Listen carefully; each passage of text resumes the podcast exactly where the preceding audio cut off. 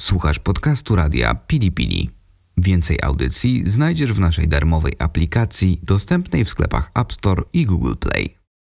Lisen, czyli lisie słuchowisko o życiu w kamperze. Cześć, tu Zosia. I Kuba. Jesteśmy Foxes in Eden, inaczej Lisy w Edenie. To jest audycja Lisen, czyli lisie słuchowisko o życiu w kamperze. Dzisiaj odcinek dziewiąty, cykl Śladami Lisów. Opowiemy trochę o Parku Narodowym Durmitor w Czarnogórze.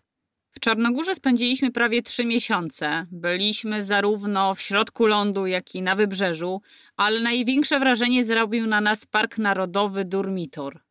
To jest park położony na północy, na takim północnym wschodzie Czarnogóry.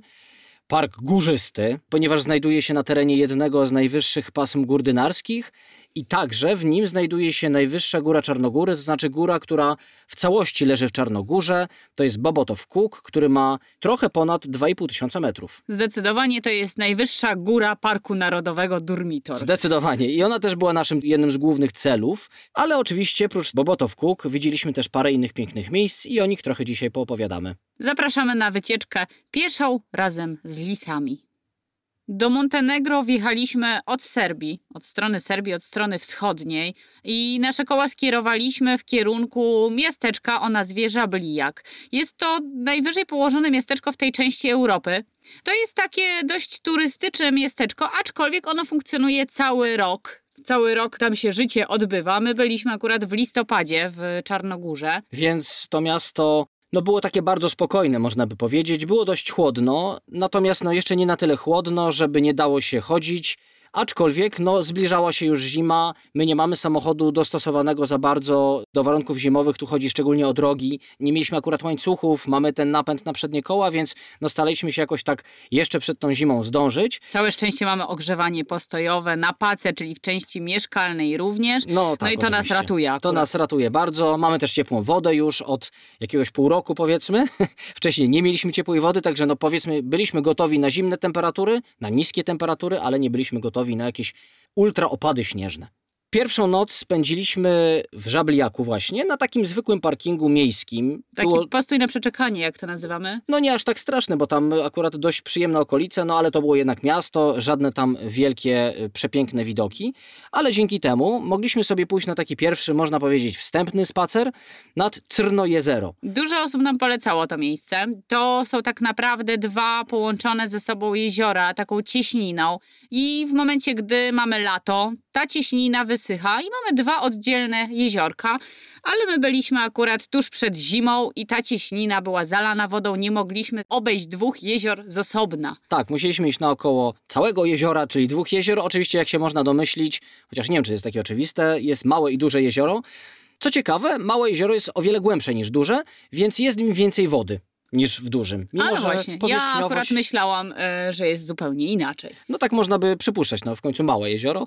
My się wybieraliśmy na spacer e, o dość późnej godzinie, niestety. No tutaj byliśmy przed zimą, więc zachód słońca odbywał się po godzinie 16. Odbywał się. Odbywał się, No, tak, odbył bo my się, zawsze no, czekaliśmy tak. na odbycie zachodu słońca. E, I ten zachód słońca nastąpił właśnie po godzinie 16. My wtedy byliśmy w samym środku spaceru. No niestety do końca e, spaceru było jeszcze daleko. Zrobiło się całkiem ciemno. My byliśmy w lesie i to chodzi już o dosłowną e, wyrazę. Znaczenie, Tak, tak. tak.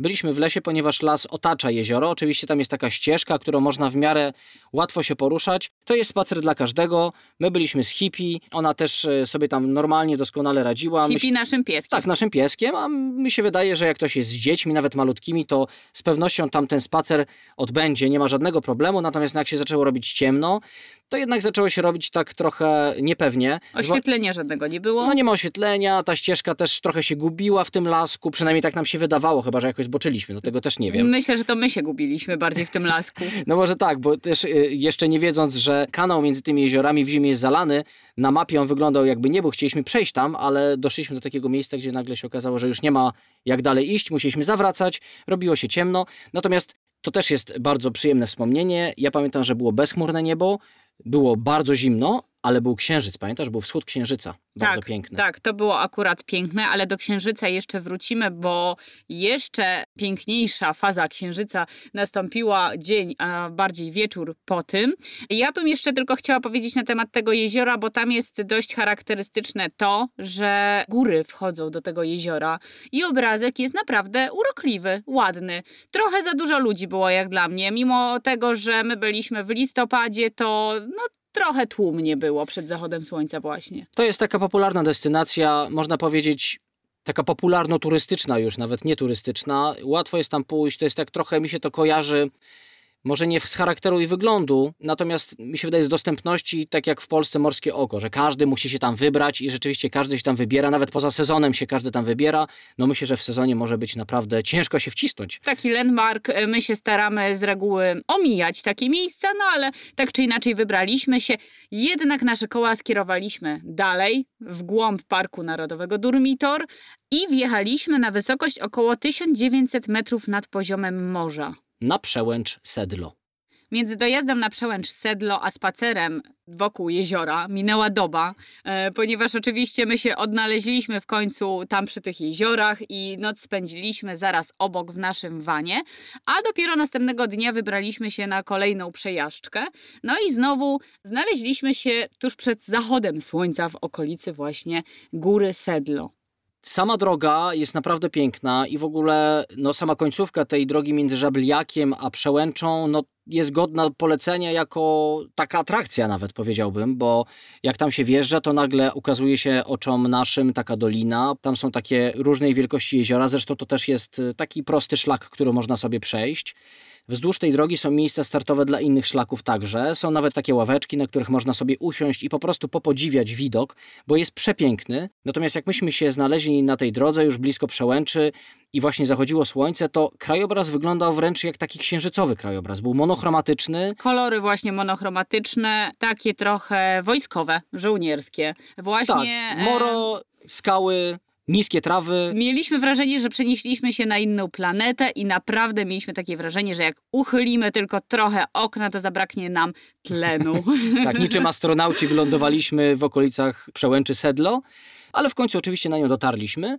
Na samej przełęczy jest parking. To nie jest taki zorganizowany parking asfaltowy. Nie, nie, nie, nie, nie. To jest akurat fajne miejsce dla ludzi podróżujących kamperem na przykład i my też tym spotkaliśmy akurat parę ze Szwajcarii Ze Szwajcarii, dokładnie. Tak, więc y, bardzo ładne miejsce. Tutaj rozpoczyna się nasz y, ukochany van life i pewnie za to miejsce postojowe, noclegowe również lubimy ten Park Narodowy Durmitor, ponieważ zasypialiśmy i budziliśmy się w przepięknym otoczeniu przyrody, jeżeli chodzi o wschód słońca to ja zapraszam, odsyłam wszystkich na nasz Instagram, bo właśnie z okolicy listopada mamy wrzucone na tablicę timelapse z wschodu słońca, który obserwowaliśmy z naszego kampera. To było zupełnie niesamowite. Po lewej stronie mieliśmy wschód słońca, a po prawej, jak się przeszło dosłownie 15 metrów, była dolina z pięknym widokiem, z domkami w oddali gdzieś tam niżej, no bo to w końcu przełęcz, więc byliśmy na takim przewyższeniu. No niesamowite miejsce. I z tego miejsca zresztą rozpoczynał się szlak na Bobotow Kuk. Rano jeszcze przyszedł do nas pan, który zbierał opłaty za wstęp do parku. Tak to wygląda w tym parku, ponieważ nie ma żadnego wjazdu, nie ma żadnego szlabanu, nie ma konkretnej budki takiej z opłatami. Po prostu pan, strażnik jeździ sobie i jak kogoś tam dorwie, no to tę opłatę się uiszcza. 3 euro od osoby plus y, opłata za samochód również 3 euro. No więc nie są to jakieś wygórowane ceny za tak przepiękne miejsce i tak bogate w atrakcje takie trekkingowe. Szlak na Bobotow Kuk ma około 5 km w jedną stronę z tego miejsca, w którym się znajdowaliśmy, czyli no brzmi, z tej przełęczy. Brzmi tak niepozornie. Niepozornie mocno. brzmi, ale tutaj trzeba też pamiętać o tym, że przewyższenie tutaj ma około 500 metrów. Najbardziej stromo jest na samym końcu, ostatni kilometr albo nawet półtora. To, to jest no tutaj już wy, wycieńczające dla organizmu. Niby ten szlak jest opisywany jako do przejścia dla każdego i myślę, że no średnio wyćwiczony człowiek, tak jak my powiedzmy, jest w stanie go przejść, natomiast końcówka dała nam trochę w kość, to znaczy... Zanim do końca dojdziemy jeszcze, chodźmy na początek. A dobrze, dobrze, tak już wybiegłem tutaj przed szereg. A droga była długa i piękna, widokowa i my jeszcze do tego szliśmy z naszym czworonogiem, czyli z pieskiem, z hippie i na początku myśleliśmy, że ona będzie nas spowalniała, a to się okazało, że to my bardziej spowalnialiśmy ją. Hippie nie jest dużym pieskiem, bo to jest taki pies, który ma wysokości, nie wiem, 30 centymetrów może. Niewiele. Zapraszamy tam na Instagram czy na YouTube, tam hippie się pojawia często, jak ktoś jest ciekaw jak wygląda. Więc generalnie jak stawaliśmy, żeby odsapnąć, żeby trochę sobie pokontemplować widoki, to hippie zaczynała piszczeć i nas poganiała. No właśnie, my ruszyliśmy w trasę na szlak o godzinie 9 rano, tak żeby sobie dać zapas właśnie na to, żeby troszeczkę wolniej iść i całość zajęła nam około 7 godzin. Oczywiście z przystankami, z kontemplacją i jeszcze do tego z nagrywaniem materiału materiału, ponieważ robiliśmy też film właśnie na nasz kanał na YouTube, więc musieliśmy trochę czasu na to poświęcić. Czytaliśmy, że osoby, które idą żwawiej, przechodzą ten szlak w krótszym czasie oczywiście. Wierzę w to, bo dużo osób nas mijało po tak, drodze. Tak, więc może nie byliśmy jakimiś przodownikami tutaj e, trekkingu, ale przynajmniej przeszliśmy sobie to w swoim tempie i się napawaliśmy tym, co widzieliśmy, a było czym. Myślę, że chętnie opowiemy o całej trasie, bo robiła na nas wrażenie. Wszechobecne głazy i taka przestrzeń dzika i dziewicza po trosze. A poza tym, że były wyznaczone ścieżki, to jeszcze raz na jakiś czas i to już e, od samego początku były takie wejścia strome w górę, które... Mm... Znaczy wymagały podciągania się na linach, które były wcześniej oczywiście zamontowane, no i ułatwiały wspinanie się na te co bardziej strome fragmenty. Czasami nawet musieliśmy też podsadzać hippie, chociaż bywało tak, że ja już wyciągałem ręce, żeby ją podsadzić, ona już gdzieś boczkiem sobie pobiegła i już była na górze. No to jest takie zwierzątko niczym kozica górska. tak. Byliśmy za 5.12, jeżeli chodzi o zimę, e, ale no słońce tutaj było cały czas z nami, więc już jak sobie żwawo szliśmy, to mogliśmy nawet kurtki rozpiąć. Po początkowym fragmencie, który był właśnie taki lekko stromy, weszliśmy w dolinę. Lekko stromo. No, ten fragment był zakończony zresztą tak takim pierwszym podejściem z linami. Ono dość szybko się pojawia, ale później jest trochę łatwiej. Tak, weszliśmy właśnie w dolinę i byliśmy w otoczeniu różnych szczytów górskich. Najbardziej takie charakterystyczne, no i takie robiące wrażenie faktycznie, to są szczyty Zubci bodajże, tak to się pisze, nie jestem pewna, to czy jest, dobrze wymawiam. Tak, to jest, taki, to jest jeden szczyt, ale on jest pośród innych i one, te szczyty wyglądają jak takie właśnie zęby powyłamywane. Jak takie zęby, tak. Jak takie ostrza strzelające w niebo. Sztylety. Sztylety nawet, y, kamienne a wokoło naprawdę jest mnóstwo porozrzucanych skał. Trzeba tam uważać, żeby sobie nie skręcić nogi, bo może gdzieś ta noga wpaść. Co ważne, szlak jest bardzo dobrze oznakowany i właściwie nie było momentu, w którym zastanawialibyśmy się, gdzie mamy dalej iść. Tak, tak, ale jeszcze do tego jest e, kilka takich ścieżek pobocznych. Jakby każda droga prowadzi na Bobotów. Prawie tak, a w ogóle myśmy poszli taką krótszą drogą, bo jest jeszcze dłuższy szlak. On zaczyna się aż w Żabliaku, no i to jest chyba już taka całodniowa wyprawa, jak nie dwudniowa. To prawda, no na pewno w zimę bym się nie wybrała, nawet gdybym kondycję miała no taką nie do podważenia. no więc kontynuowaliśmy swoją wspinaczkę, można powiedzieć, w stronę Bobotow Kuk. Ja jeszcze tylko dodam odnośnie tej przestrzeni. Nie jestem co prawda fanką serialu Gra o Tron, ale ta przestrzeń trochę mi się z tym kojarzyła, najbardziej właśnie ten szczyt Zubci, e, bo on mi się kojarzył z tym tronem właśnie. A mi się kojarzył z takim miejscem, gdzie trzeba dotrzeć, żeby się z kimś na przykład zmierzyć tam, że tam mieszka ktoś, coś, do czego trzeba dojść, to jest niebezpieczne i jeszcze właśnie żyje w takim wymownie niebezpiecznym miejscu. Ja teraz bym chciała, żebyście odpalili swoje smartfony, e, wygooglowali szczyt Zubci i powiedzieli nam e, chociażby w wiadomościach prywatnych, z czym wam się kojarzy ten owy szczyt. W pewnym momencie można powiedzieć, że wyszliśmy za róg e, tych szczytów, które nas otaczały, weszliśmy trochę wyżej i naszym oczom w oddali ukazał się już Bobotow Kuk. Natomiast po lewej stronie ukazała nam się bardzo charakterystyczna góra o takim charakterystycznym zboczu, która nazywa się Szaremi Pasowi. Jej wyjątkowość polega na tym, że jej zbocze wygląda jak pofałdowany tort. Ma takie warstwy tak jakby ktoś uderzył w tort i te warstwy się tak trochę powyginały. Warstwy skalne to jest bardzo ciekawy, bardzo piękny i taki wyjątkowy widok. To nie była żadna fata morgana, nie byliśmy jeszcze aż tak głodni, nie byliśmy też aż tak spragnieni. To naprawdę wyglądało jak tort. Jak tort. Tort Szeremi Pasowi. Może jest taki tort, może by trzeba wymyślić taki tort. Może trzeba porozmawiać z mieszkańcami e, Montenegro. A byle nie był taki twardy jak skała. Szliśmy oczywiście dalej, byliśmy mniej więcej w połowie drogi. Przed nami było jeziorko. Jeziorko Stawik, on się nazywał Zieleni Wir. Właściwie Zeleniwir, bo jest Zeleni tutaj Wir. w Czarnogórze, czyli po serbsku mówimy. Ja już spolszczam troszkę. No więc Zeleniwir to jest taki charakterystyczny stawik u podnóża właśnie Bobotow Kuk i to jest taka trochę cisza przed burzą, bo tam można bardzo przyjemnie sobie przysiąść. My mieliśmy piękne słońce, woda się mieniła srebrzyście, zjedliśmy posiłek, hippie też zresztą zjadła. Woda była e, jak tafla lodu, bo e, albo szkło, lustro. Coś takiego. Odbijały się w nim e, góry pięknie, fenomenalnie. Mamy super ujęcia akurat z tego miejsca. Jak spojrzeliśmy w górę, to nawet e, naszym oczom ukazali się ludzie na szczycie właśnie i wydawało nam się, że mamy już e, całkiem niedaleko. Aczkolwiek im bliżej byliśmy podnóża Bobotow Kuk, tym bardziej ta ściana wydawała się stroma, w sensie ten ostatni fragment, a jeszcze jak zobaczyliśmy drogowskaz, który tam był, to okazało się, że czekało nas raptem półtora kilometra drogi, a to miało zająć nam półtorej godziny. Myśleliśmy na początku, że to jest takie oznaczenie dla leniwych, ewentualnie Dla dla, nas. rodzin z dziećmi. Ludzi z aparatami. Ale nie, nie, zdecydowanie nie. Myślę, że mniej więcej tyle czasu nam zajęło wejście w górę, a nawet jeszcze więcej, gdyż w pewnym momencie pogoda się popsuła. Popsuła się już chwilę przed takim ostatecznym przewyższeniem. Daleko w dole ukazało się jezioro, przepiękna panorama całego parku. Natomiast u swoich stóp zobaczyliśmy już śnieg. Tak, były już takie kubki śniegu, nie było tego dużo, ale no czuć było, że odrobinę już temperatura zeszła, zrobiło się ciemne niebo, zaczął wiać silny wiatr.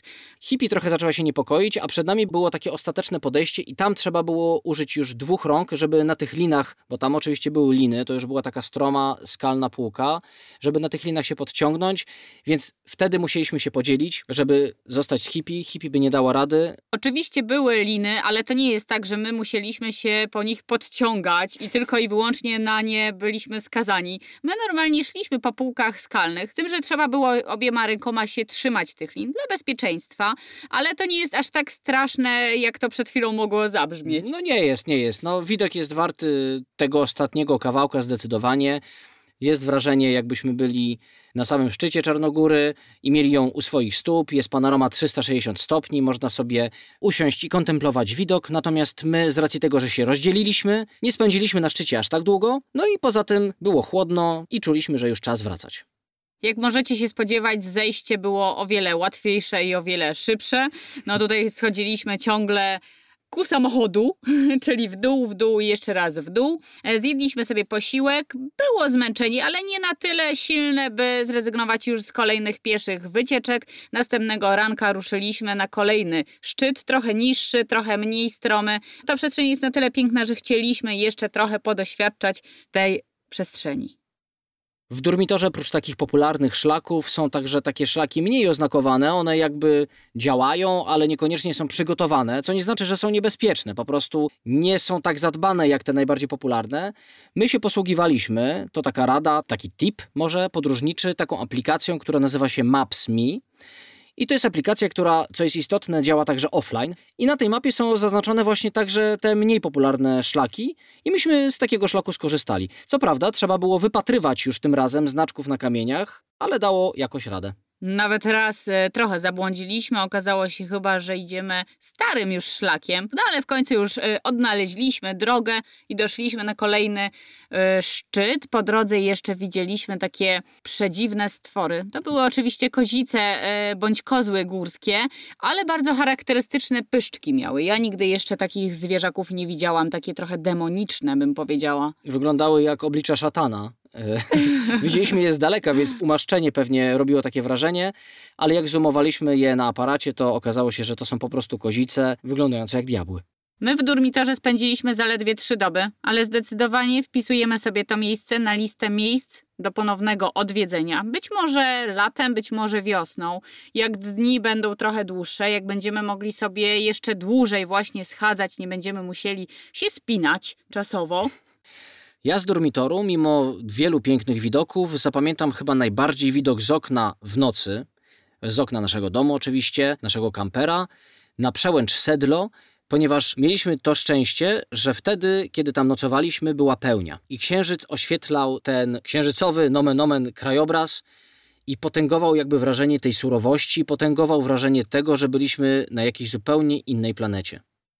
Więc jeżeli ktoś szuka doznań nie z tej ziemi, to naprawdę polecamy szczerze Durmitor, a jeżeli ktoś szuka informacji, przygód z tematyki podróżowania kamperem, to zapraszamy serdecznie na nasz kanał na YouTube. Przede wszystkim na odcinek pod tytułem Szczytowanie w Czarnogórze, ponieważ tam możecie zobaczyć, jak ta nasza wycieczka przebiegała, jak wyglądają widoki, o których dzisiaj mówiliśmy.